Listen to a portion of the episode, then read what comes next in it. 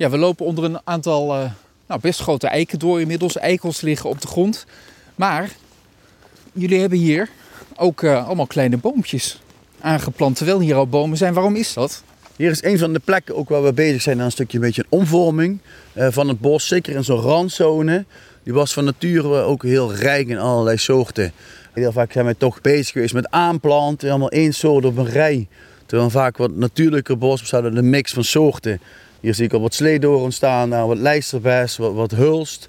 Eigenlijk wat, wat soorten die hier van oorsprong ook thuis horen. Ja, een moet het gaan groeien, een deel gaat overleven, een deel niet, deel wordt aangevreten. Op een gegeven moment worden dit eigenlijk de toekomstige zaadbronnen ook van de omgeving.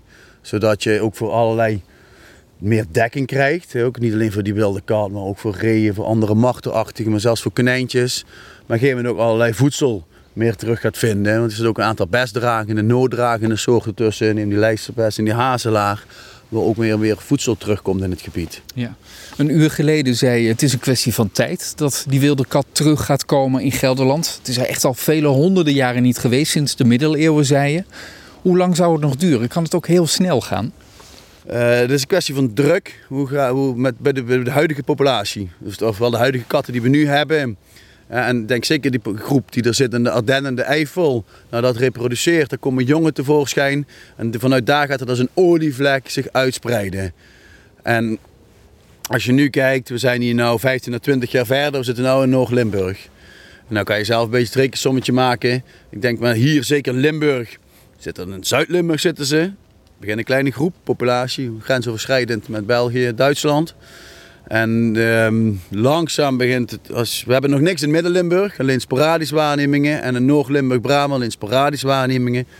Dus zeg, als we over 20, 30 jaar uh, hier in Limburg al een goede populatie hebben zitten, zou mooi zijn. En dan krijg je dan sporadisch ook dieren in, uh, in, in, Gelderland. En als je bedenkt hoe snel het dan met de wolf is gegaan, hè, de eerste gezien. En uh, een aantal, aantal, jaren later zitten we op, op tientallen wolven met roedels op meerdere plekken. Dan kan het ook heel erg snel gaan. Dus. En dat zal voor zo'n wilde kat wellicht ook gelden. Ehm, de wolf kan wel sneller grotere afstanden afleggen. Moeten we ja, even bij zeggen. Zeker, een wolf kan zomaar 40, 50 kilometer per nacht afleggen. Ik denk dat een kat als die zo 10, 20 kilometer hè, kan, gaat afleggen, zo 5 kilometer misschien per nacht als je begint te lopen. Zijn dispersie of zijn verspreiding is wel wat minder sterk en snel dan een wolf of dan een vos natuurlijk. Maar uh, het kan zomaar ons verrassen. In hoeverre is een wilde kat te vergelijken met, uh, met onze huiskat? Is die, is die echt een stuk wilder, ook qua gedrag bijvoorbeeld? Uh, ja, zeker.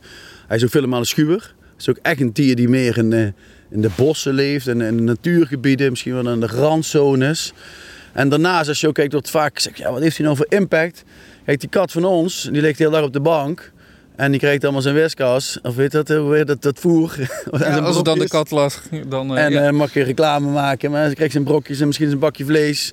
En daarnaast de rest van de dag gaat hij een beetje door de natuur rondstruinen. En pakt hij misschien wat vogeltjes of een muisje en brengt hij naar jou toe. Kan dus best wel een impact hebben. En dat wordt ook vaak gezegd, zeker die huiskatten. Terwijl die wilde kat is echt een wild dier, is een territoriaal dier. Hè, van 4, 5 vierkante kilometer, een mannetje. Die tolereert geen andere. Ja, alleen misschien hier en daar wat vrouwtjes overlappen in zijn territorium. Dus ze hebben echt zo, als sommige mensen weten van wolven, echt hun eigen territorium, ook vrij groot. En daar zullen ze als toppredator, toppredator, dus toproofdier, wel zeker hier daar wat beestjes pakken. En natuurlijk van muizen, kikkers, uh, hagedisjes. Maar lang niet zoveel als al die huiskatten doen. En daarnaast, ik denk zelfs dat zo'n wilde kat kan bijdragen. En dat gaat hij ook doen om die huiskatten juist een beetje uit het bos te houden. Dan zeg ik ook die, dat je wat minder impact krijgt op, van die huiskatten op de natuur. Want, want die, huiskatten die denken dan wel, ik ga, ik ga wel weg, want dit, is, dit is niet goed. geen huiskatten. We hebben dat gezien in een zenderonderzoek hebben we gedaan. We hebben dus een aantal katten in um, 2014, 15 volgens mij gezenderd. Toen tijdens Zuid-Limburg in het Vijlanderbos. En daar kwam echt het uiting. Als er een wilde kat zit in het bos, zitten de huiskatten er niet. Hij is echt dominant. Hij, is echt, uh, ja, hij zorgt dat die wilde katten niet in zijn territorium, of die huiskatten niet in zijn territorium komen. Ja, en, en voor de duidelijkheid, een wilde kat is dus ook echt wat anders dan een verwilderde kat. Ja, dat is een hele goeie. Zeker, dat is ook, gedraagt zich dus ook echt anders. En is ook echt zeker heel wat anders. Een verwilderde kat is gewoon een huiskat van iemand die inderdaad is weggelopen, verwilderd is. Misschien daar een keer jonkies heeft gekregen en die zijn verwilderd. En dat zijn echt andere dieren.